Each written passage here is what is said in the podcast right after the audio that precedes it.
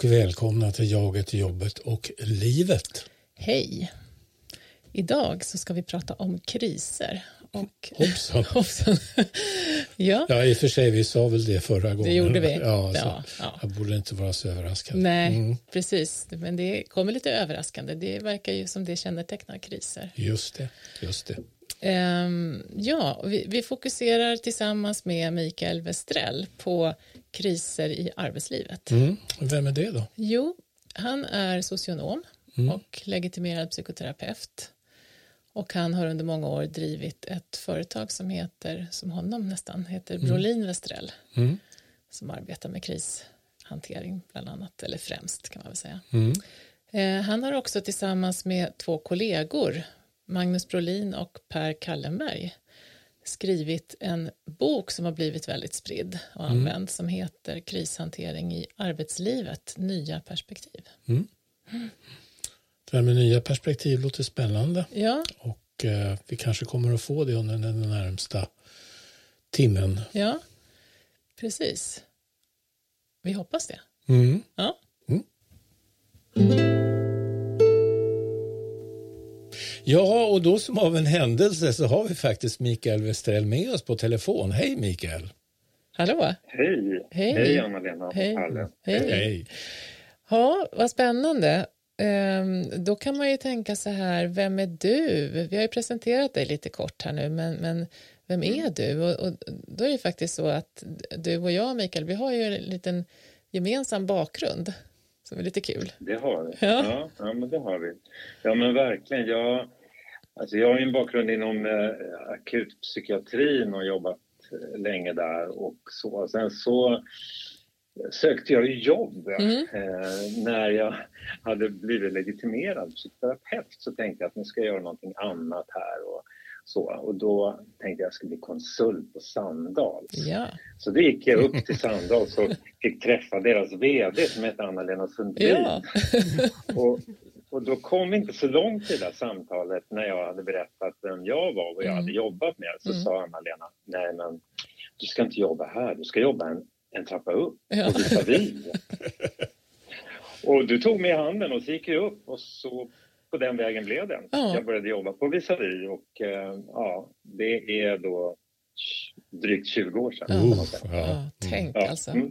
Mm. Och, och, och, var det så det blev det här med KRIS då? För du har ju liksom riktat in dig lite på det. Hur, eh, ja, man kan ju undra varför man ägnat hela sitt yrkesliv åt KRIS. Mm. Eh, och det är väl så många gånger, det är väl kanske lite tillfälligheter kanske. Eh, men eh, jag började jobba inom akutpsykiatrin. Jag var mentalskötare från början och jobbade några år på psykakuten på Karolinska. Mm. Och det var ju den bästa, bästa skolan man kan tänka sig. Va? Mm. Alltså 24 timmars mottagning var det. Folk kom in dygnet om och alla typer av händelser och kriser fick vi ta hand om. Och det var oerhört lärorikt mm. och också spännande. Och det tror jag la lite grunden för det. Och sen så hände väl saker i mitt liv sådär, ni vet, yrkes och privatliv som följs åt och mm. en och annan kris i, det privata mm. gjorde väl att jag så småningom hamnade inom hiv och aids-vården i mm. Stockholm.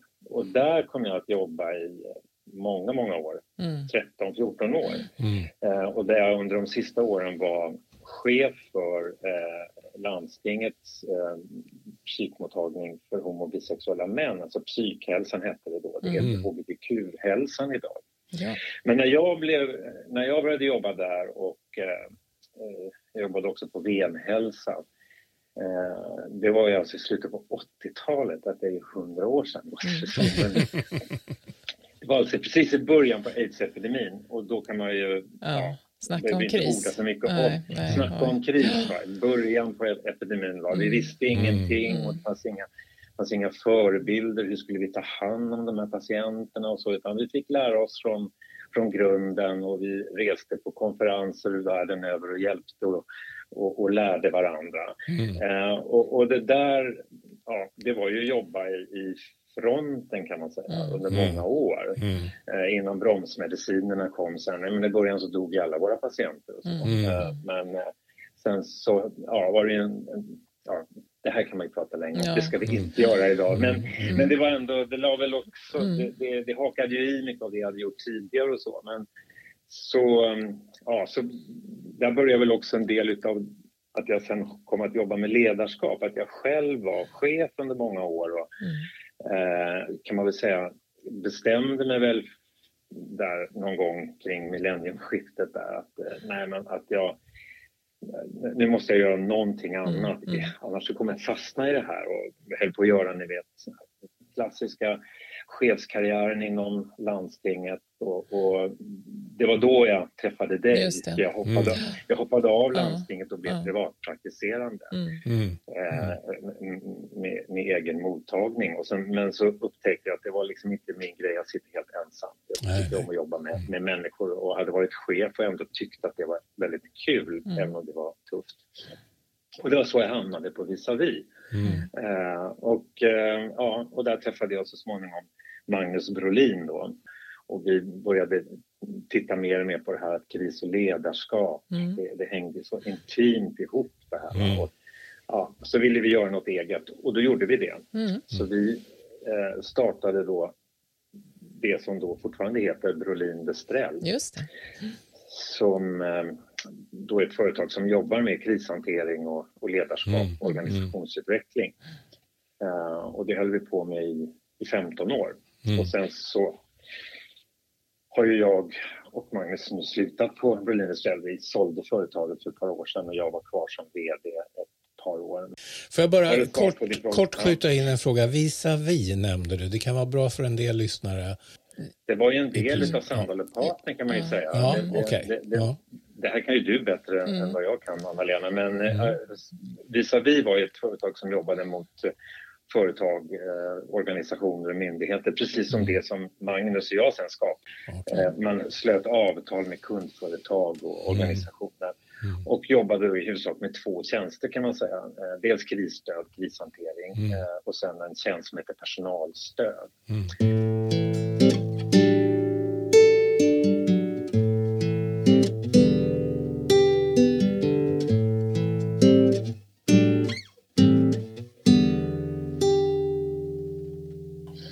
Man får intrycket av, eh, och det tror jag många får, att, att det, det finns enormt mycket erfarenhet hos dig ja. kring detta med, med, med kris och, och, krishantering och allt vad det är.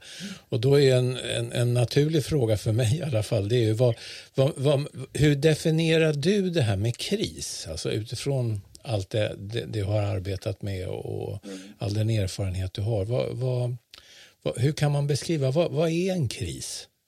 Vad är en kris? Ja. ja. Och då, ödmjuk som jag är, så ska jag inte mm. säga att det är jag som definierar det här. Mm. Nej, det är inte Utan det finns väldigt tydliga och klara definitioner som är väldigt användbara och som vi mm. använder oss utav. Mm. Ehm, för det första kan man säga att vi skiljer ju, som ni vet, så, så kris har ju blivit sånt där, det är nästan går inflation i det här mm. begreppet. Ja. Det är kris. Ja hur och när som helst. Liksom. Mm. Det, det, ja, det vill inte exemplifiera, men vi vet att kris används på ett väldigt slarvigt sätt så det blir till slut mm. urvattnat. Mm. Och vi undrar liksom, så jag tycker din fråga är så relevant också, men vad är mm. egentligen en kris? Mm. Och då brukar man ju skilja på dels de traumatiska kriserna och dels de där så kallade livs och utvecklingskriserna. Mm, okay. mm. Och om man börjar med dem då, livs och utvecklingskriserna, det, det är de som vi på ja, rent professionellt inte så ofta hanterar. Mm. Eh, det är alltså naturliga livsförändringar brukar vi säga, mm. mm. eh, som de flesta av oss ändå klarar av ganska bra. Men mm. det är någon typ av kris på det sättet att det liksom, vi stannar upp i livet och det, det känns oftast lite grann. Mm. Eh, eh och, och, det är en ny situation också. Vi har inte så mycket erfarenhet kring det men det är inte så omvälvande så att vi, vi inte vet vart vi ska ta vägen. Så att mm, mm. Uh, uh, menar, ja, det kan vara, ni vet, den första krisen är väl, eller första, men uh, alltså, att gå in i puberteten, mm, att mm. flytta hemifrån och att flytta mm. hemifrån, ja, både för den som flyttar men också för mamma och pappa som är kvar. Ja, det kan man väl säga är en utvecklingskris. Mm. Absolut. absolut. Ja, absolut. Få ditt eget program om det. Ja, absolut. Ja. Ja. Nej, men om ni tänker naturliga livsförändringar mm. som ändå mm. är förändringar som vi inte har varit med om tidigare men som de flesta av oss ändå fixar mm. och vi klarar, vi, vi, klarar av det. Liksom. Mm. Men det, det, vi väl egentligen ska prata om här idag det är ju de traumatiska kriserna ja. och det är, det är väldigt mycket det vi också tar utgångspunkt i den här boken som du nämnde mm. inledningsvis mm. som jag har skrivit tillsammans med Per Kalleberg och Magnus Brolin. Eh, vi skriver om utvecklingskriserna där också men inte så mycket. Mm. Eh, och de traumatiska kriserna, jag brukar definiera det som en plötslig och oväntad händelse mm. Eh, där vi inte har någon erfarenhet sedan tidigare. Mm. Eh, alltså där tidigare erfarenheter och kunskaper de räcker inte till för att kunna förstå mm. och hantera den här, eh, den här nya händelsen. Mm. Och, och, ja, den, den, traumatiska krisen brukar man alltid säga också innehåller alltid någon typ av förlust. Mm. Uh, och, och, det tycker jag är en bra definition att mm. tänka utifrån. Mm. Alltså det här förlust, ja men vad är det då? För vi pratar ju om traumatiska kriser både på individ och på organisationsnivå. Uh, och, och, förlusten går som en röd tråd kan man säga. Och då kan det vara för, allt ifrån förlusten av liv, det är väl mm. det första man tänker på, ja, ja. att någon dör eller några dör. Alltså en olycka. Eh, som, som, och, och då kan, man, kan ju vän av ordning säga ja men döden är väl ändå en naturlig del av vårt liv? Jo, det är den, men det här pratar vi om plötsliga oväntade dödsfall. Mm. Mm. Och sen är det naturligtvis en hårfin skillnad. När går liksom ett dödsfall över till att bli en traumatisk kris från att ha varit ett naturligt förväntat dödsfall. Mm. det kan ju, ja, det, det, det förstår ni också, det går liksom inte riktigt att definiera ut. Det, är liksom, det finns en, en gråzon däremellan, men jag tror ändå det är mm. viktigt att man skiljer på att inte varenda dödsfall är traumatiskt. De flesta av oss ju med om dödsfall som ju mer eller mindre är förväntade. Mm. Eh, äldre personer kanske, mm. där mm. vi kan ju sörja, absolut, vi sörjer och det gör ont, mm. absolut. Men det, det är inte så att vi inte riktigt klarar av det eller vet vad vi ska mm. ta vägen. Mm. Och då är det ju annorlunda i en traumatisk kris där det plötsligt mm. det händer en olycka och mm. eh, vi är helt oförberedda. Kanske en ung människa också. Eh, det, ja. Så någon typ av förlust av liv eh, är ju en, en, en, en definition. En förlust av kroppsfunktioner kan det också handla om. Att man blir så illa skadad så att man eh, inte kan fungera som man är van eller som man har gjort tidigare. Mm. Eh, men om vi tittar på ett organisation och ledarskapsnivå så handlar det om det här med organisationsförändringar eller att man säger upp personer. Mm. Mm. Man förlorar sin yrkesidentitet, man mm. förlorar sin yrkesroll. Uh, och det vet ju ni hur viktigt det är, mm. alltså hur mycket det har hängt upp. Och det är min erfarenhet efter att ha träffat så många människor i sådana här så kallade omställningsprocesser. Mm.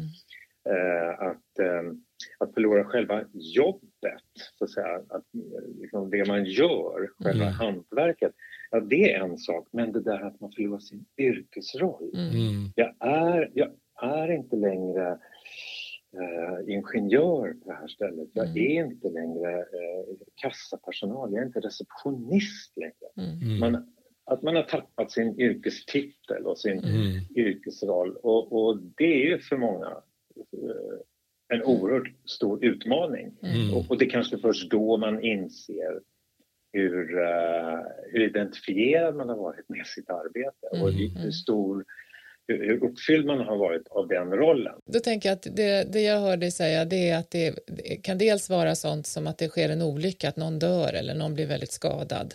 Det är liksom väldigt påtagligt. Det är den traumatiska. Den traumatiska, mm. men det kan också vara traumatiskt om man till exempel plötsligt eh, så läggs verksamheten ner eller det ska ja. företaget ska flytta utomlands och alla sägs upp eller mm. något eller sånt där. Teamet man jobbar i ska plötsligt få en helt ny funktion eller ja. någonting sånt ja. där kan väl också vara traumatiskt för en del människor. Och så det, tänker jag på till exempel rån eller inbrott eller liksom sådana här saker. Mm och det, ja, men, det kan vara alltihop. Det är det verkligen. Ja. Ja, men, ja, men det är jättebra att du säger Anna-Lena, mm. för det är utifrån ett eh, yrkesperspektiv eller mm. organisationsperspektiv, mm. till exempel rån, mm.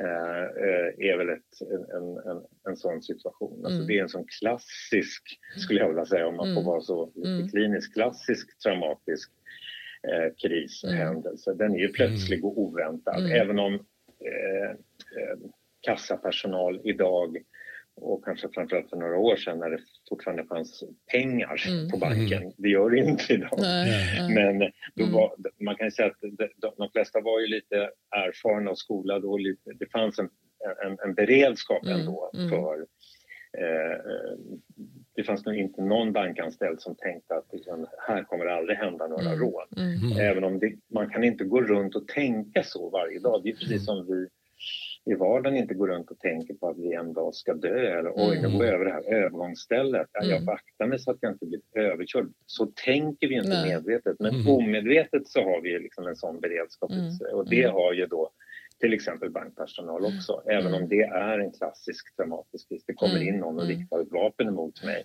när jag sitter och utför mitt arbete.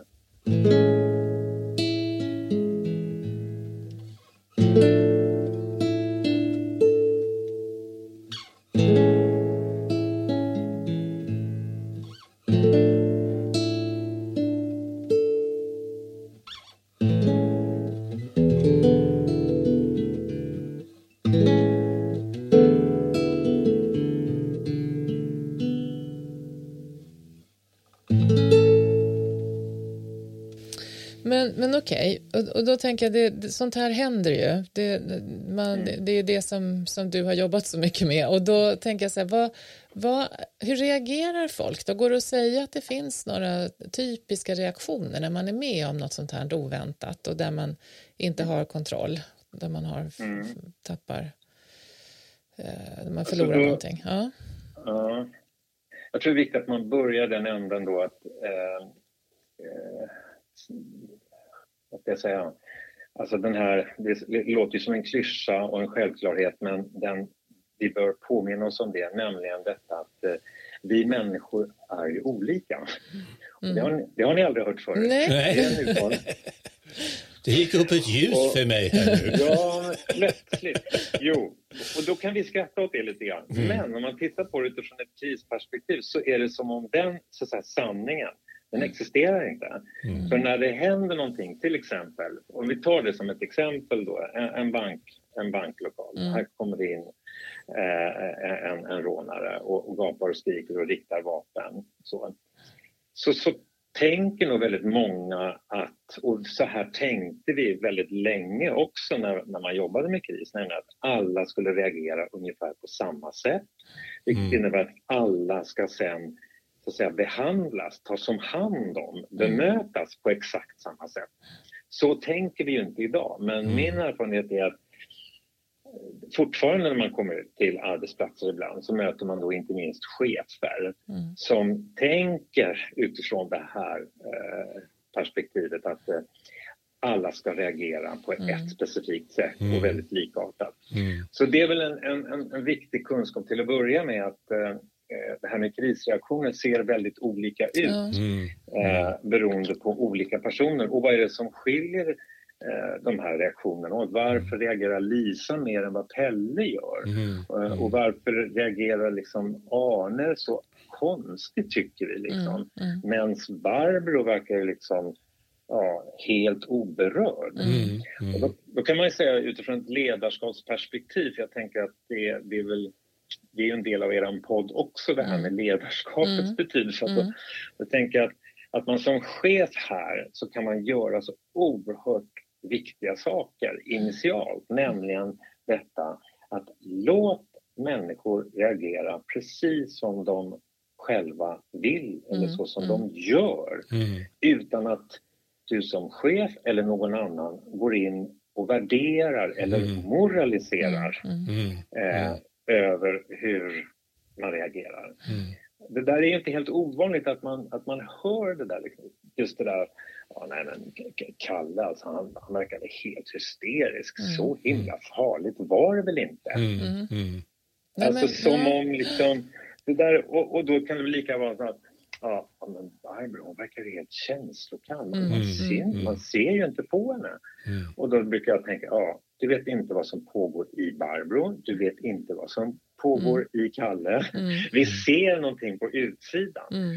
Utan låt de här två personerna reagera på en och samma situation mm, mm. på så olika sätt som de gör. Och så mm. tänker vi, ja, vad är det som gör då att de reagerar olika? Jo, för att vi är olika. Mm. Och att vi har med oss olika erfarenheter i, i livet. Mm. Eh, den ena kanske har varit med om liknande saker en massa gånger och kanske inte har bearbetat det eller har bearbetat det så mycket så att den här händelsen den bara läggs till de andra och jag blir inte så upprörd för jag har en massa erfarenheter kring hur jag kan hantera det här. Det. Så, så förstår ni? Mm. Så det mm. behöver inte betyda att liksom bara för att jag reagerar väldigt lite och har varit med om det tidigare, mm. att det liksom är bearbetat. Utan, mm. ja, ja, här kan man ju fördjupa sig. Men, ja. så det, så det, det, det, tror jag ändå är en bra utgångspunkt mm. när man mm. pratar om hur reagerar människor. Ja.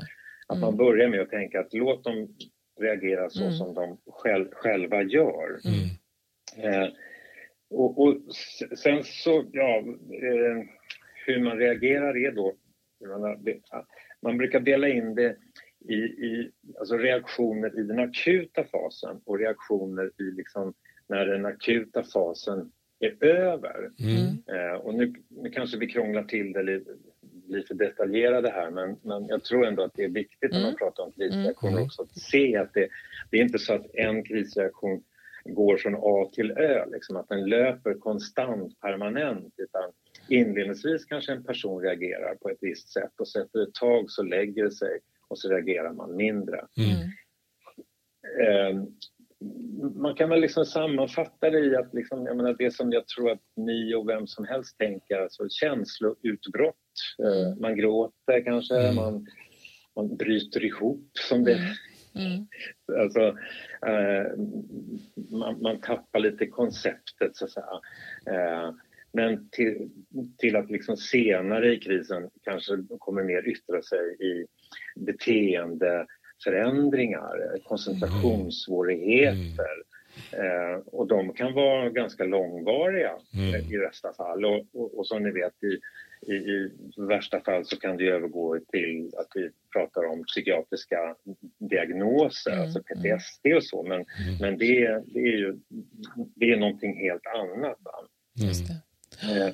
Men, men, generellt kan man säga att och det här finns ju en massa forskning kring. Mm. Alltså de flesta av oss människor, vi klarar väldigt starka eh, yttre händelser, alltså stressfaktorer mm. som kommer efter en kris vi klarar dem väldigt bra. Och då menar jag mm. väldigt bra på det sättet att vi, vi, vi får inga jättestora reaktioner. Vi får reaktioner, det mm. känns och vi blir lite förändrade men det blir inte så hemskt mycket mer. Och det, mm. det är faktiskt de flesta av oss och det tror vi inte. Nej. När vi läser kvällstidningar Nej, och man läser visst. om panik och chock och så. Mm. Ja, det är, det är en liten del av oss som reagerar mm. på det sättet. Men de mm. flesta gör inte det. Mm. Och det måste man också ha i åtanke när man går ut och möter en arbetsgrupp då. Om man ser att, de här, eh, att det skiljer sig åt så hemskt mycket.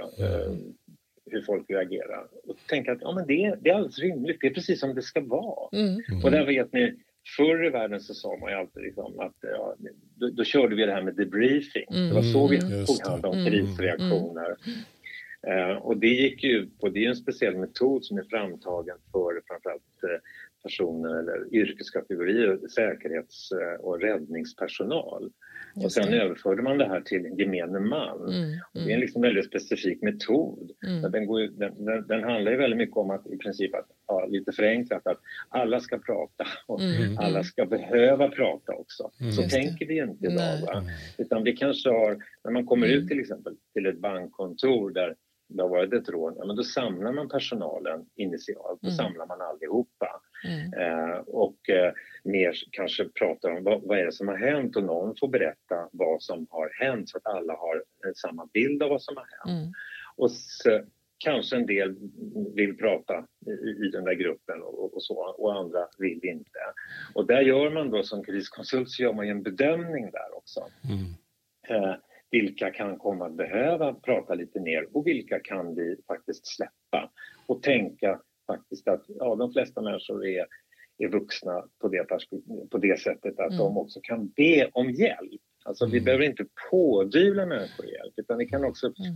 låta de här personerna mm. säga, lita till sin egen förmåga. Eh, mm. Och det där tror jag är viktigt att man Ja, Just det. Ja, men du, jag, jag, tänker bara, vi har så mycket föreställningar. Det slår mig nu när du, när du sitter och berättar här att, att oj, det, vi har så mycket förutfattade mm, meningar om, mm. om hur det ska se ut och hur människor ska, människor ska vara. Vi använder oss själva som norm och det, det är väldigt mycket så, föreställningar. Och jag tänker att, ja. Eh, Palle, när, när, du och jag satt och, och liksom försnackade lite grann mm. så, så drog du ett exempel som jag tror hänger ihop med det här. Ja, utifrån ja. Vad, vad Micke säger nu så, så påminner jag mig det igen. Mm. Eh, att, och inte minst det här med att, hur man förväntar sig att folk ska mm, reagera. Mm. Eh, för att fatta mig kort, 20 år sedan jobbade jag på en företagshälsa och första gången som jag blev utkallad så att säga på jobbet till en eh, en samling butikspersonal där det hade varit ett rån, alltså eh, tidigare på förmiddagen eller mm, någonting mm. sånt där. Och jag förväntade, och jag, det var ju första gången som jag gjorde någonting sånt, just det som hade med rån att göra. Då, då, man var ju lite så här, okej, okay, hur ska det här gå nu då? Och så mm. vidare och så vidare. Och så hade jag de här föreställningarna om att handskas med 8-10 personer som alla befinner sig i en akut krisreaktion och med allt känslor och hela, hela grejen. Och jag kom dit och det var liksom väldigt lugnt. Och kontentan var att eh, den personalen som hade varit med om rånet de var liksom uppvisade inte alla symptom som man ska göra, ungefär. Mm. Eh, Medan däremot några av de som skulle gå på och jobba nästa dag, som inte hade varit med under själva mm. rånet, där var det betydligt skakigare. Och jag minns speciellt en individ som var väldigt förtvivlad, hade liksom panik vid tanken på att gå till jobbet nästa dag, för tänk, ja, typ, tänk om det händer mm. igen och så mm. vidare.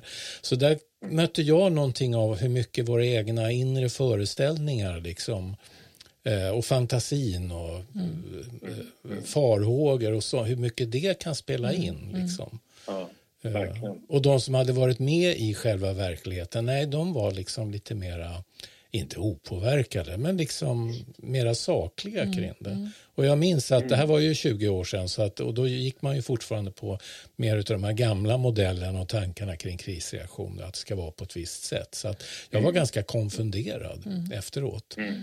Mm. Och tänkte kanske då, eller jag tänker också att den chefen kanske också tänkte att de där som inte reagerade så mycket, mm. oj, de måste det verkligen hjälpa. Ja, ja så har, kände de jag. Har, de, de har lagt locket på, ja. de har förträngt. Ja, visst. Freud i mig vaknade omedelbart. ja. Det var du som sa det, men det finns ju sådana spöken va? Ja, ja, ja, ja, i krissammanhang också och, och, som verkligen är vanföreställningar där vi mm. liksom ska locka fram. Ja. Och vi, måste, mm. mm. vi måste uttrycka Just någon typ av stark känsla för att mm mm. eh, omgivningen ska bli lugn och tänka åh vad skönt att mm. hon eller han eller mm. hen reagerar i alla mm. fall. Va? Det, det, mm. Bryta upp Nej, men, liksom saker på något vis, Trä, ja, tränga oss in. Ja. ja.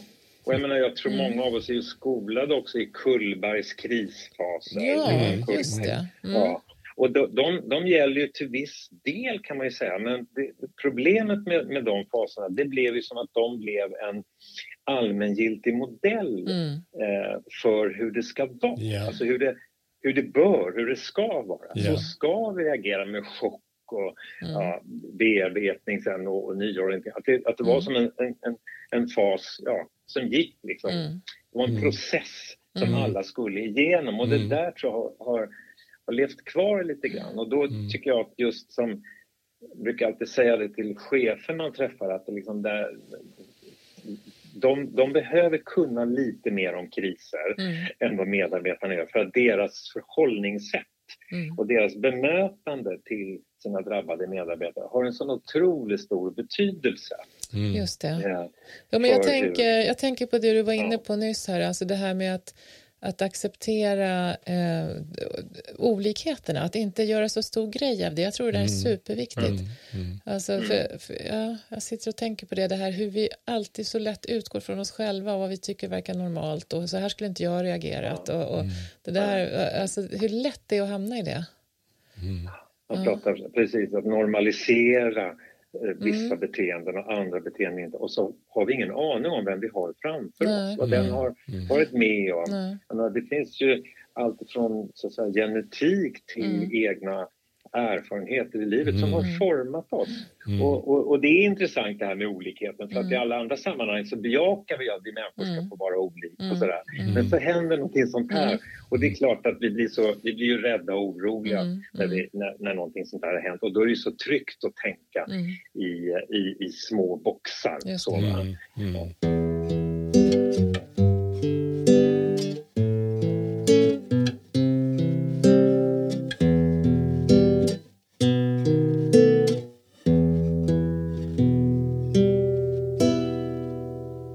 jag tänkte om jag får kommentera det som du mm. Palle, din, din, eh, din vignett, för den är ju väldigt talande och den är, jag tror att den, det är 20 år sedan säger du, jag mm. tror att den har en viss allmängiltighet, tyvärr mm. tror jag att den har mm. fortfarande en liten mm. allmängiltighet. För du, du pekar på någonting där som ni tyckte var lite konstigt, att de som var hemma, de som inte var där, som mm. kanske var på lunch eller var hemma och ja, de ja. fick så starka reaktioner. Medan de som stod nära och var med om det, mm. ja, där, till synes hade de inte så mycket reaktioner. Mm. Mm. Och, och, och, det där kan ju ha som sagt då, många olika orsaker till, men en mm. sak som jag tänker det är ju att de som sitter hemma och inte var på plats, mm. de är ju också utlämnade till någonting kring sina fantasier och spekulationer yeah. om yeah. vad det var som hände. Mm. Och de måste skapa det inom sig själva. Ja, de kanske pratar med varandra och så pratar de med de som var på plats kanske. Och så mm. får de höra och det hände det och så gjorde de si och det hände och det, ja, det var hemskt. Mm. Och så fyller de, fyller de i sen mm. och broderar ja. ut det där lite grann. Mm. Det här sker ju på ett omedvetet plan. Det är inte så att man sitter där och trixar ihop det här. Men jag tror att det är någonting av det fenomenet. Jag tror att det är någonting av det som händer. Medan de som var på plats, de kan man ju säga, de hade på något sätt även om det var en situation där de inte hade kontroll kanske, så hade de ju kontroll på det sättet att de har ju varit med om det. Ja. De vet exakt vad det var som hände. Ja. Eh, men det här säger också någonting om eh, varför vi måste tänka att vi också måste ta hand om dem som var hemma och vabba mm. och inte bara de som var i banklokalen mm. som var med om mm. själva rånet. Mm. För så tänkte man ju också förr att det var de mm. och de andra, åh vad skönt att du inte var på plats, då, då behöver du ingen, ingen hjälp. Så det kan vara precis som du säger Palle, det tycker jag att jag har varit med om, att de starkaste reaktionerna de kan komma från de som faktiskt inte var på plats. Ja. Och då måste ja. vi förstå att det är är både rimligt och naturligt mm. att det är så. Mm. Och mm. det kan ju tyckas som så självklart, men om man som chef har den kunskapen mm. så kan ni föreställa er vilket enormt stort stöd det är mm. och vilken trygghet det är för medarbetarna att de har en chef som bara sätter sig lugnt och, och mm. normaliserar när kanske medarbetare börjar och orera på det här mm. sättet som jag sa tidigare om att ja, men Lisa hon var ju helt tokig, hon var ju inte ens där. Mm. Nej, mm. det har inte med saken att göra mm. kanske. Mm. Mm. Eh, ja, eh, och, och, och, man brukar ju säga att krisen blottlägger oss ju också. Det är då, jag menar, vi vet så lite egentligen om varandra. Vi mm. tror att vi känner våra arbetskamrater mm. väldigt väl. Men jag tycker jag har varit med om det i så många arbetsgrupper jag jobbat med som efter ett tag säger att jag hade ingen aning om att Lisa hade varit med om det där tidigare i sitt mm. liv. Det har hon aldrig pratat om. Mm. Och vi som har pratat om allt, mm. mm. men det har hon aldrig berättat. Nu mm. förstår jag mycket mer. Ja. Mm. Och, Då, ja. Kan det vara så att Lisa som aldrig var där, om hon hade varit där, då kanske hon inte hade heller reagerat på det här med traumatiska sättet då, utan kanske blivit alldeles iskall i situationen och rationell eller mm. någonting. Ja, och, det är möjligt. Ja, jag ingen, det, det bara slog mig mm. liksom, som en sån där, att, att ja. Det är inte bara att människor skiljer sig åt i reaktionerna utan även man själv skulle kunna uppvisa lite olika typer av reaktioner mm. Mm. beroende på om man faktiskt var med eller inte och så vidare. Och så vidare. Mm. Precis, ja. och sen så kan man då mm. mot det kan man säga, och det hinner vi kanske inte fördjupa oss i, men det finns ju mm. forskning kring det här också, att det tycks vara så att en del av oss människor, vi tenderar att reagera ungefär på samma sätt Mm. Eh, eh, oavsett händelse. Och det mm. har med, också med olika saker att göra. Men att en del av oss och ni vet de här klassiska, det finns ju en massa forskning kring det här, till exempel när brandlarmet går på ett hotell mm. eh, så, så, så, så, så ser man ju väldigt massa olika reaktioner. Allt ifrån eh, den som ligger kvar i sängen och tänker att ah, det är falskt larm, det här mm, blir ändå mm. ingenting. Eh, men okej, okay, jag känner lite röklukt men det är nog inte så farligt. Till till att det är no några som blir eh, väldigt, väldigt upprörda mm. och utagerande, mm. eh, tappar mm. eh, sitt egen initiativförmåga. Mm. De behöver liksom ledas ut, de mm. behöver tas om hand mm. verkligen. Eh, och då, det där kan man se eh, väldigt tydligt eh, just i en, en sån där händelse, liksom hur olika vi människor är på en och samma händelse. Alla kände samma brandlukt och alla kanske till och med såg lågorna. Men vi reagerar helt olika mm. på, på, på, på, larmet och sen när också larmet är bekräftat genom att vi ser elden. Mm. Mm. Så, så, så ser vi att en del av oss kommer att hantera det på ett visst sätt. Mm. En del tar, led, tar ledarskapet så att säga på ett mm. självklart sätt. Så. Mm. Jag fick alltså, en liten anekdot bara. Jag var med jag var i, i, i Cape Town för många år sedan och eh, bodde på ett hotell och där brandlarmet gick mitt i natten. Och det var ju, som priskonsult var det lite intressant att... Du kastar ut genom fönstret. ja, precis. Inte minst att se hur reagerar Klättrade över folk. Nej, förlåt. Precis. Jag hann inte tänka, men det var ju ändå väldigt spännande att se. Mm. Eh, och jag ja. menar, jag, jag, jag kanske Alltså jag, var, jag tror att jag har något slags... Ja, jag tog lite ansvar i den här mm, situationen, mm, såg till och mm. räknade att alla hade kommit ut i våran grupp och såna här saker. Men det var också intressant att se mm. hur olika mm. människor reagerade ja. Aha, ja. agerade också. Det var enormt tydligt. Det var som att jag kunde lägga hela den här forskningsstudien liksom på mm. hela det här hotellets reaktioner. Spännande. Mm. Och, och, hotellpersonalen som man tänker att de skulle varit tränade i det här. Så här oj, helt hysteriska. Mm. Mm. Flera, flera Oj, ursäkta, vi, hade, vi hade ingen hjälp av dem alls. eh, och, och jag menar, det, det, ni vet, liksom, det släcktes ner, mm. all elen gick och mm. innan folk kom ut och sådär. Och en del bara sprang ut och en del andra eh, bestämde sig för att gå in och säga, men vänta, de där gästerna, de, de är inte här, vad är de? Ja, då var det några som per automatik gick tillbaka in mm. i hotellet. Nu var det inte så att hela hotellet brann, det brann i köket. Så det var liksom mm. inte. Mm. Men ändå, de gick in i de kolsvarta korridorerna och letade efter de här människorna då, som satt på sina rum och var jätterädda.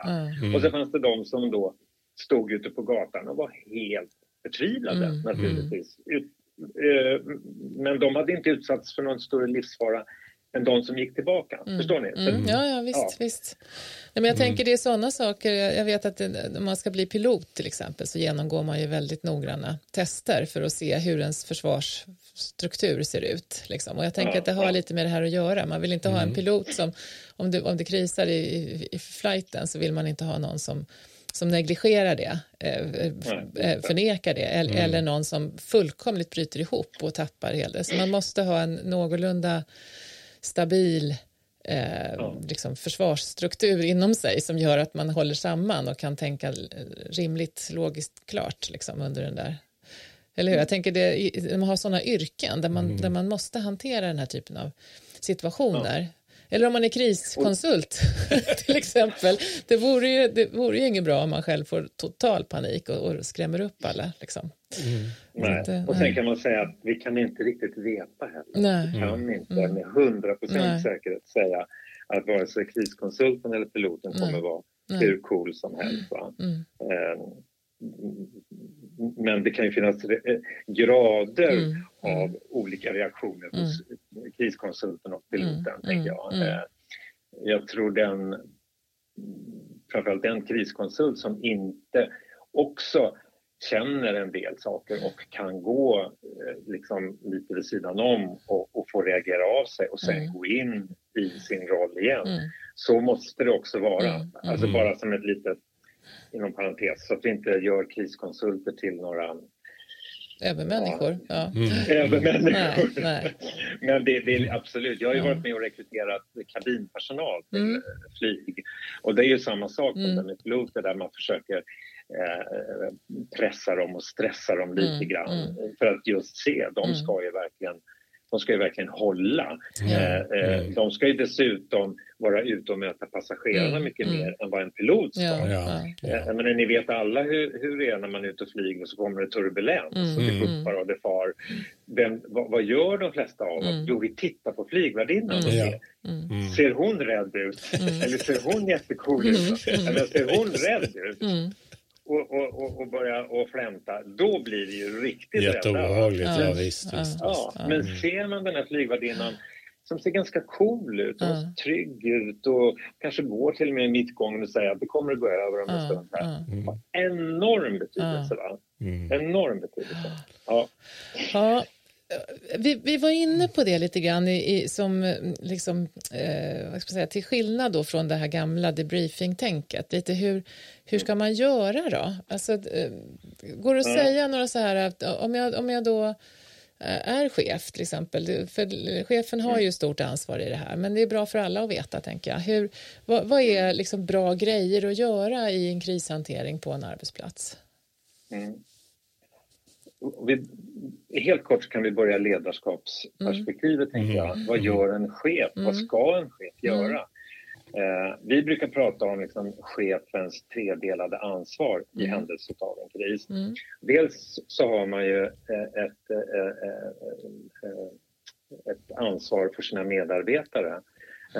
Att, att de får rätt bemötande och att de omhändertas på ett korrekt sätt och, och ja, att man ringer in rätt typ av hjälp och, och då att man kanske inte plockar in tusentals eller massa olika hjälpinstanser. Vi kan Mm. komma till det vad jag Mm. menar med det, men att, eh, att man får adekvat och rimlig hjälp. Mm. Att det är, chef, det är chefens ansvar i det där lite akuta läget Mm. att tänka så. Vad, hur ska jag ta hand om mina medarbetare nu?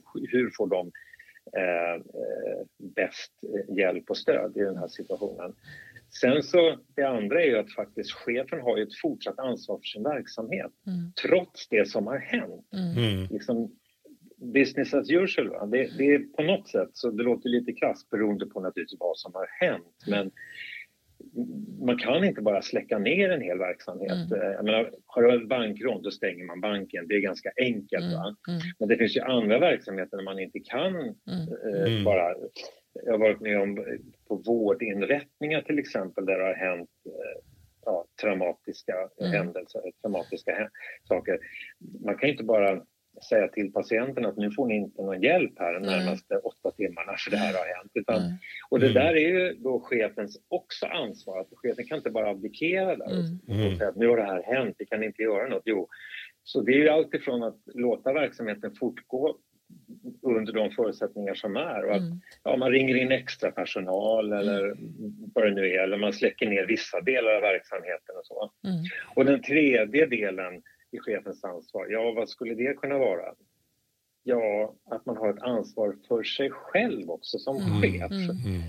Och det här är det som är lite speciellt med att vara chef under en kris, nämligen att du måste också titta på dig själv Mm. och ställa dig frågan, fixar jag det här? Klarar jag det här? Mm. Eh, låt säga att det har varit ett plötsligt dödsfall i en arbetsgrupp. Mm.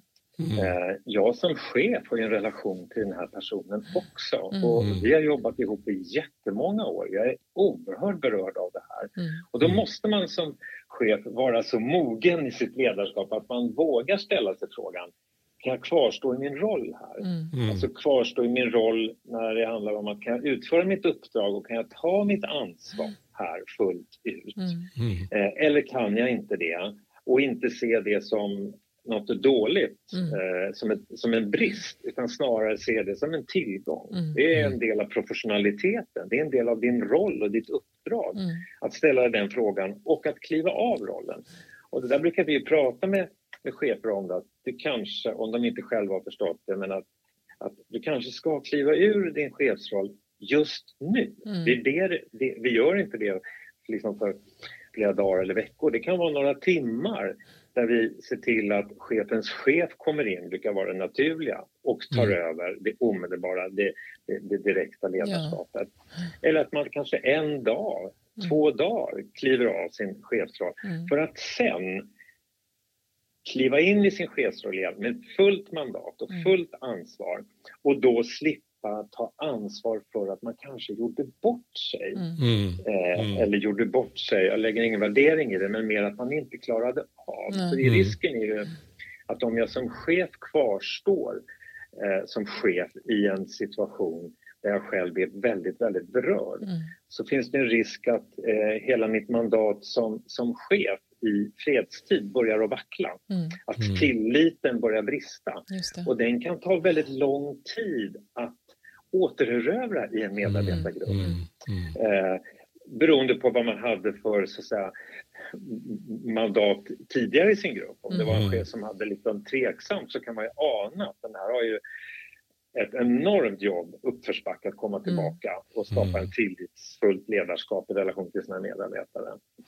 Det så, finns... och därmed, och det, och, ja, och, jag, och, och det, med det vill jag bara säga att jag menar inte att man som chef ska vara någon slags eh, stonefacer och inte visa sina känslor kan, mm. och, och mm. kanske gråta och så. Det kan man absolut göra. Utan, och det betyder inte att jag måste kliva ur min chefsroll utan jag tänker mer att det jag märker som chef att jag har svårt att hålla tråden, jag har mm. svårt att koncentrera mig, mm.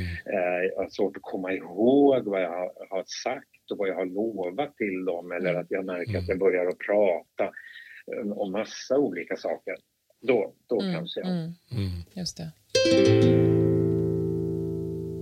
Jag associerar till, också till riktigt sådana här stora händelser, alltså det man förväntar sig av eller förmågan att ta sin roll som ledare på politikernivå och annat när det mm. händer såna riktigt stora grejer. Jag kommer ihåg, eh, jag jobbade som skolpsykolog när tsunamikatastrofen ägde rum och mycket förberedelser i skolans värld för man skulle prata med eleverna kring det här och man visste inte om vissa bänkar skulle stå tomma helt enkelt mm. när, när skolan skulle börja igen. Men där minns jag också från den tiden just hur det fanns ju mycket kritik och funderingar både under pågående kris och även efter kring regeringen och allt vad det var. Jag lägger inga värderingar i det men däremot att kungen gick ju in. Mm och höll tal och pratade om sina egna erfarenheter av förlust och så vidare. Mm. Och innan dess så var det väl ganska vanligt att man drev väldigt mycket med kungen och tyckte han var ja, mm. lite någon slags staffagfigur. Mm. Men han växte ju väldigt eh, utifrån sett i alla fall och tog just den här, den som står stadig och inte är okänslig men liksom ändå håller ihop. Vilket ja. inte riktigt kanske var fallet på regeringsnivå. Nej. Det var lite rörigt och vem tar vad. Och mm. Man var helt mm. oförberedda många mm. gånger, vad jag förstår. Så att, det, så att även i de här riktigt mm. stora mm. sammanhangen så blir det så tydligt mm. med någon måste kliva in och ta den här stå med fötterna stadigt i jorden. Mm, liksom. mm. Det är nästan så att det räcker med det. Mm. Någon måste bara göra det. Liksom. Ja, och jag tänker att ingen chef ska heller vara ensam. För mm. det tycker jag de nationella mm. kriserna mm. har också visat att eh, nu kanske det är annorlunda, hoppas vi, men eh, det här att eh, höga chefer, statsråd, till och med mm. statsministrar tycks ha varit väldigt ensamma i ja. vissa beslut ja. mitt under en kris. Ja, och är det någon gång vi behöver sätta oss ner i en ledningsgrupp och, och, och prata ihop oss tillsammans mm. eh, och, och, och, bestämma vad ska vi göra nu mm. på kort och på lång sikt? Vad är det strategiskt viktiga mm. eh, på lång och på kort sikt? Att man har ett resonemang om det där och inte så här, sitter ensam på sin låda och tänker nu ska jag vara en duktig chef och fatta en massa beslut här och mm. peka mm. med hela handen. Va? För sannolikt så är man ändå påverkad utav det som har hänt. Mm. Och jag tänker det klassiska exemplet vi brukar ta, eh, ingen övrig skugga över Ingvar Carlsson, men under eh, Kom ihåg Estonia? Mm. Så, så gick ju Ingvar Carlsson, han var ju statsminister då, och mm. redan efter någon dag så gick ju Ingvar Carlsson ut och sa eh, vi ska ta upp fartyget. Ja, mm. ja. Och jag skulle säga att tyvärr så tror jag att det är någonting som fortfarande spökar. Mm. mm. Eh, han lovade det initialt. Han hade ju naturligtvis ingen aning om detta var möjligt eller rimligt Nej. eller mm. om det var vettigt eller så. Va? Men man kan tänka att han gjorde det i en sån akut situation så på ett sätt går det att förstå varför han gick ut och lovade detta. Mm. Samtidigt så kan vi ju se om de hade varit ett gäng som hade satt sig ner och pratat om det innan han sa det där, så mm. är det något, kan vi redan nu gå ut och lova att vi ska ta upp det här fartyget. Vi vet ju inte vad som har hänt. Och, mm. ja, då hade man kanske kommit fram till någonting annat. Mm. Mm. Men jag tycker det är ett, ett ja. bra exempel ja. på där man, där man fattar mm. beslut. Och det är det jag menar liksom, när man är som enskild chef också. Vi vill ju mm. skydda cheferna från att göra de där mm. tabbarna. Alltså fatta snabba, felaktiga beslut som man sen kanske får äta upp mm. eh, under ganska lång tid framöver. Mm. Och, och, det kan ta lång tid att reparera. Ja. Det, yes. det, så. Mm. Men bara helt kort tillbaka till din ursprungsfråga, det här mm. bemötande mm. och så. Och då, mm. man, kan väl, man kan ju sammanfatta det, det finns ju forskare som har gjort och, och vi kliniker också, men vi brukar prata om att eh, bemötandet ska präglas av det här med att vi, vi ska, vi, vi, vi stabiliserar först mm. och vi bedömer sen och sen behandlar vi. Mm. Och det där tycker jag är tre ord som jag tycker man har väldigt stor nytta av, både ja. som kriskonsult mm. men också som, som, som chef. Att mm. Initialt så handlar det om att stabilisera eh, det här akuta läget och det betyder ju att man ser till att man, man, man, skapar en säkerhet, man skapar en trygghet kring de som har blivit drabbade. Mm. Eh, eh alltså att samla de här personerna och se till att de inte utsätts för mera eh, stress eh, runt omkring sig. Mm. Eh, och, och, jag tänker att det där är, är, är så viktigt att, om man tänker att stabilisera i korthet handlar ju om att inte utsätta för fler eh, stressfaktorer. Mm. Mm. Uh, och, och, jag tror att tänker man så då att, man, att bemötandet av de här personerna ska ha en stabiliserande funktion. Mm. Uh, och då är vi tillbaka till det som vi pratade om tidigare med debriefing som mm. ju inte kanske initialt var så stabiliserande. Nej, man, river upp. Liksom, ja. mm. man river upp. Ja, ja. Utan här, en, en, del i stabilisering, det är ju det här vi har pratat om att låt människor reagera som de vill. Så mm. länge de inte behöver veva omkring sig mm. så får Lisa göra som hon vill och mm. Pelle gör som han vill. Och vi, vi har inga synpunkter om mm. det. Det har en stor stabiliserande effekt, mm. skulle man kunna mm. sammanfattningsvis säga. Va? Mm. Och i stabiliseringen då så börjar vi också att bedöma. Mm. Eh, och då kommer vi in på det här med att ja, men, människor är olika och vi bedömer då vilka behöver hjälp och stöd och vilka kanske inte behöver. Mm. Eh, de flesta av oss kommer att behöva någon typ av stöd, nämligen Eh, ja, nära och kära brukar vi prata om. Mm. Mm. Eh, en av de första sakerna när vi kommer ut till arbetsplatser det är ju att man hör, har, har eh, medarbetarna fått ringa hem ja. och tala om vad de har varit med om. Mm. Och, se, och ser ni till då att de blir hämtade efter jobbet? Nej, de ska inte köra bil, kanske inte heller mm. åka tunnelbana eller så, utan mm. se till att de blir hämtade. Uh, alltså det, mm. de, de bedömningarna Eh, och så finns det då ja, de som inte behöver lika mycket och några kommer att behöva lite samtal, några kanske vill ha individuella samtal, några kanske vill sitta tillsammans i en mm. liten, liten mm. delgrupp. Mm. Eh, för de delar någon erfarenhet så de skulle vilja sitta tillsammans med några som de känner sig trygga med. Ja, men då låter vi dem göra det, med, med mm. kanske med någon konsult. Mm. Men vi pådyvlar inte människor eh, en massa måsten och så. Mm. Eh, återigen det där som jag tror vi sa tidigare, att också förlita sig till att människor själva kan be om. Mm. Det är viktigt att man som chef eh, erbjuder stöd, säger mm. att om ni behöver stöd på något sätt, samtal eller någonting annat, kom till mig så mm. ordnar jag det. Mm. mm. Eh, förstår ni? Det, mm. det, det, ligger något väldigt viktigt i det, att man då talar om för personer att som, även om de har varit med om den här krisen så så, så omyndigförklarar vi dem inte. Vi, vi mm. börjar inte behandla dem som viljelösa barn bara för det, utan mm. vi förlitar oss också på att de utifrån vad de själva har varit med om, utifrån vad de själva känner, så kan de faktiskt be om vilken typ av hjälp de vill ha. Och sen mm. finns det alltid undantag, någon som har jättesvårt att be om hjälp och som vi kan se verkligen skulle behöva hjälp, ja, men då gör vi något aktivt med mm. den mm. personen. Mm. Men förstår ni, generellt mm. sett ja, så, så, så, kan man skilja på det där. Och sen så det tredje är då att ja, en del kommer att behöva behandling och då mm. pratar vi om reaktioner som kommer eh, ganska sent. Mm. Och, och mm. när, när, man börjar få kanske kroppsliga symptom eller som, som inte ger sig. Eh, mm. Det vi kallar för PTSD-symptom till mm. exempel. Och de kommer ju inte förrän, ja vi ställer inte den diagnosen förrän jag tror jag, vi tänker mellan 6 och 8 veckor efter händelsen. Mm. Eh, och, de, och den kan komma också mycket, mycket senare. Så det, men behandling, psykoterapeutisk behandling, det är ju ingenting vi tänker på i det första skedet. Liksom att nu ska alla ha mm. psykologhjälp här eller psykoterapeutisk hjälp. För de flesta precis de flesta kommer inte mm. behöva det utan de kommer snarare behöva sina nära och kära. Mm. Mm. Eh, Ja, men jag tänker... Där hemma. Mm. Mm. Bara så jag kommer ihåg att PTSD står för posttraumatiskt eh, syndrom. Eller Stresssyndrom. Ja. Förlåt, förlåt. Mm. Ja, det är lugnt. Det är lugnt. Mm. Mm. det... Nej, men jag tänker bara just på det här viktiga stabiliserande eh, fasen. Jag tycker det är viktigt det du säger att att vi inte rusar iväg och tänker att det ska dundra in ett gäng eh, psykoterapeuter mm. som ska behandla utan att det är någonting, jag tänker i England det här att man, man sätter på en kanna te liksom. Det ja just det, det gör de alltid, nice cup of tea. Put the kettle on.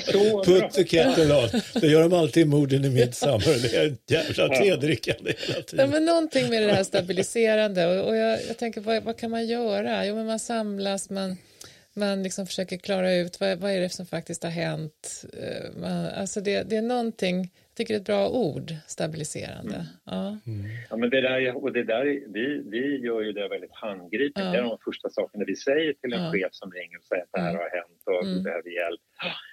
Samla gänget, se till att uh, gå och köp kaffebröd och mm. godis och mm. juice, alltså lite mm. sötsaker som kroppen behöver. Uh, skicka iväg någon och köp lunch till hela gänget. Mm, mm. Så väldigt mm. handgripen, ja. att man liksom får äta tillsammans så att man inte bara sätter sig ner liksom i en ring nej, eh, två timmar sen och förväntas kunna prata bara. Nej. Mm. Utan vi gör någonting tillsammans, till exempel vi äter tillsammans mm. och då kan man komma igång och prata och det går bra liksom att både prata och äta samtidigt. Mm. Så att, Ja, Puttiketelon, det är ju väldigt, väldigt, det är liksom så oerhört betydelsefullt.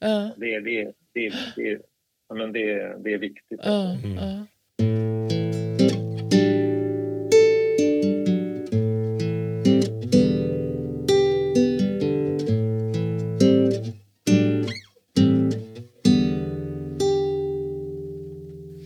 Vi har ju pratat mycket här om det, det traumatiska aspekter av mm. olika former av kriser men det finns ju också och det kan ju även gälla överraskande kriser eller överraskande olyckshändelser så att det är liksom en del av livet. Mm. Det har ju vävts många vackra bilder och modeller över hur liksom, ja, livet är en serie kriser eller att mm. det är utvecklingsmöjligheter och sådär. Och, och, det är ju sant många gånger, även om beskrivningarna ibland kanske blir lite för sockrade. Men eh, Eh, jag vet att i er bok så, så avslutningsvis så kommer det in lite mer också på just det här med kriser som en, liksom en, att det finns en existentiell och en etisk dimension mm. eh, kring kriser. Mm. Även mm. de mest otäcka saker kan man inte bara helt svära sig fri från som människa när man finns i den här tillvaron så att säga. Vad...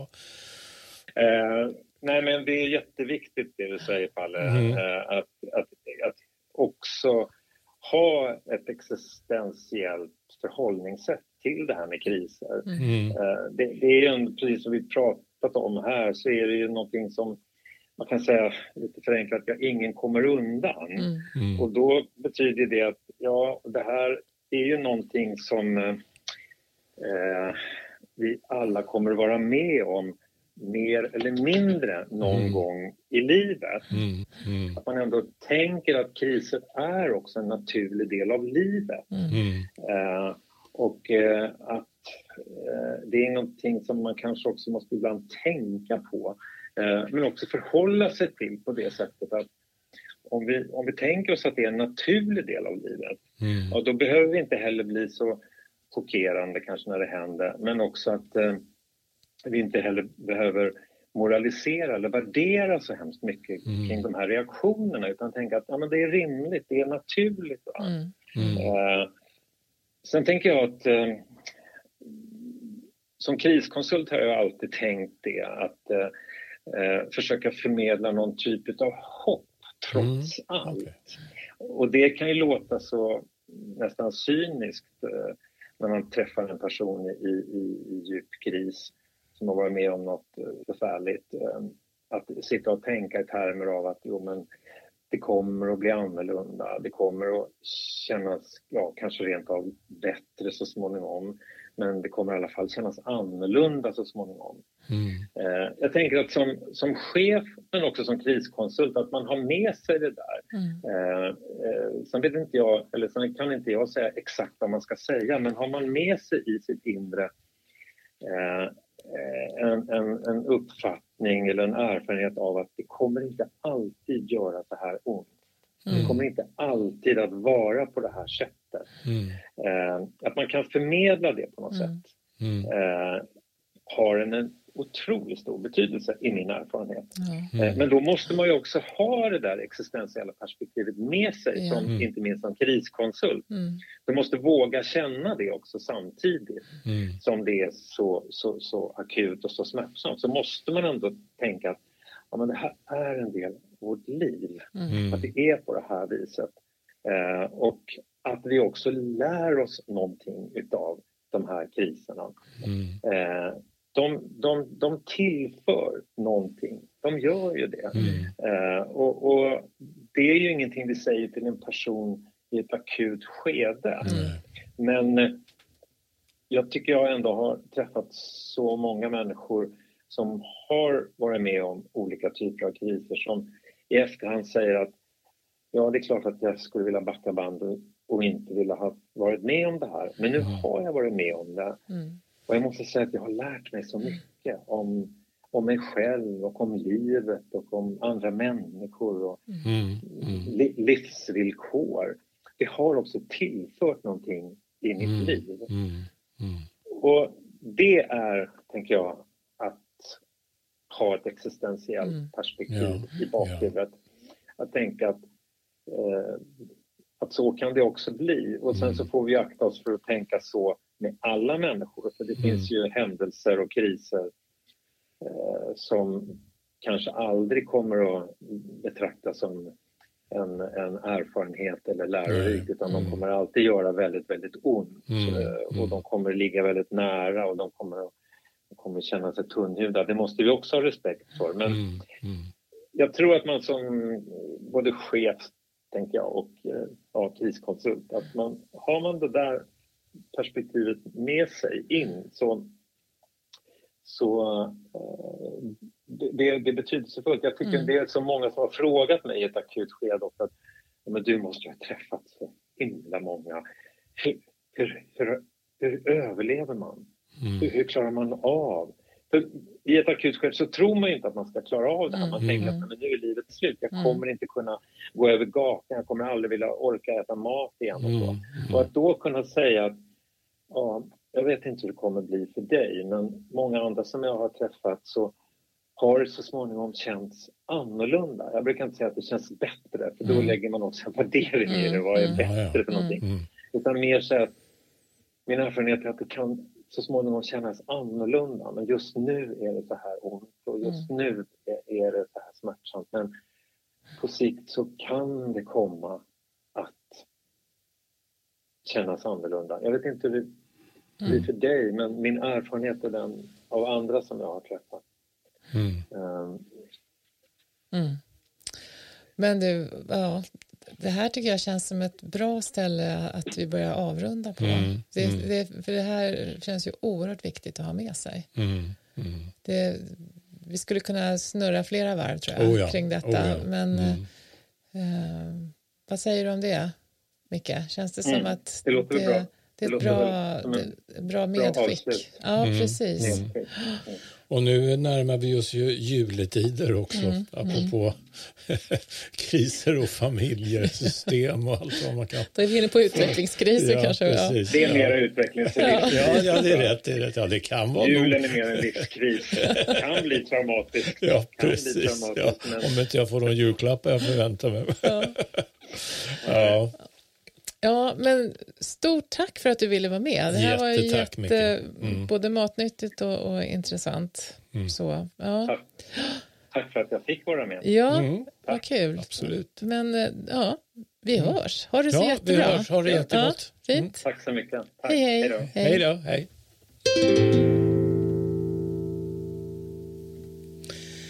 Ja, vilka gäster vi får Ja. till våran podd här. Oerhört intressant Ja, och visst. jättemycket tänkvärt. Mm. Jag kanske, det är svårt att välja ut sådär, men om man ska göra det. Jag, jag fastnade kanske mest för de här tankegångarna kring eh, människors olika reaktioner Mm, beroende på vad man också kanske har i bagaget, vad man har med sig i ryggsäcken. Om man hamnar i en sån här krisartad situation på arbetsplatsen eh, förstås, men också i privatlivet.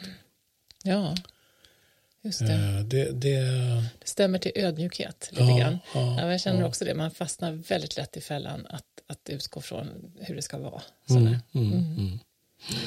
Ja, ja, jag tror vad som, vad, vad som ligger kvar så här känner jag nu direkt det är det här med det stabiliserande med att sätta på en kanna te.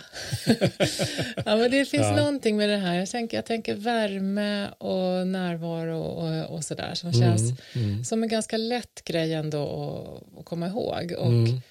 liksom att, att inte heller tänka att, att man inte kan bidra med någonting Mm, utan att det kan man faktiskt bidra med. Mm. Och det, man måste inte trumma in professionella trupperna och, och innan dess kan man inte göra någonting Mm, utan det, det där nära och kära och liksom Mm, närvaro. mm. Ja, men det, det tål att funderas på känner jag också, Mm, låta det sjunka in lite grann. Verkligen, verkligen. Ja, vi skojar ju lite grann också avslutningsvis om att det snart är jul. Mm. Och eh, snart är väl att ta i kanske, men tiden går ju väldigt fort. Snart är det första advent och då, då börjar det verkligen lacka mot jul. Ja, då kan man också undra, blir det någon podd innan jul? Ja, det är frågan faktiskt. Mm, kommer tomten? Ja, tomten kommer nog, det hoppas vi. Men om det kommer någon podd, det vet vi faktiskt inte riktigt än, för det beror lite på om vi hinner. Snön ligger vit på taken, endast podden är Ja, vaken. det kan hända. Vi har ju lite tankar så om vi hinner. Ja. Men eh, ni får hålla utkik, ni som lyssnar. Eller Mm, eh, vara på uthörning. Men annars så är vi tillbaka i januari. Ja, det blir en fråga om vad man hinner med innan under julstöket. precis. Mm. Så, ja. Tack för idag och på återhörande. Ja, vi siktar på en liten avslutande trudelutt från gitarristen. Det gör vi. Ja. Ja. Hej så länge. Hej då. Och god jul och gott nytt år ifall att Ja. vi inte hörs förrän Absolut. nästa år. Ha en jättehärliga helger. Mm. Hej då. Hej då.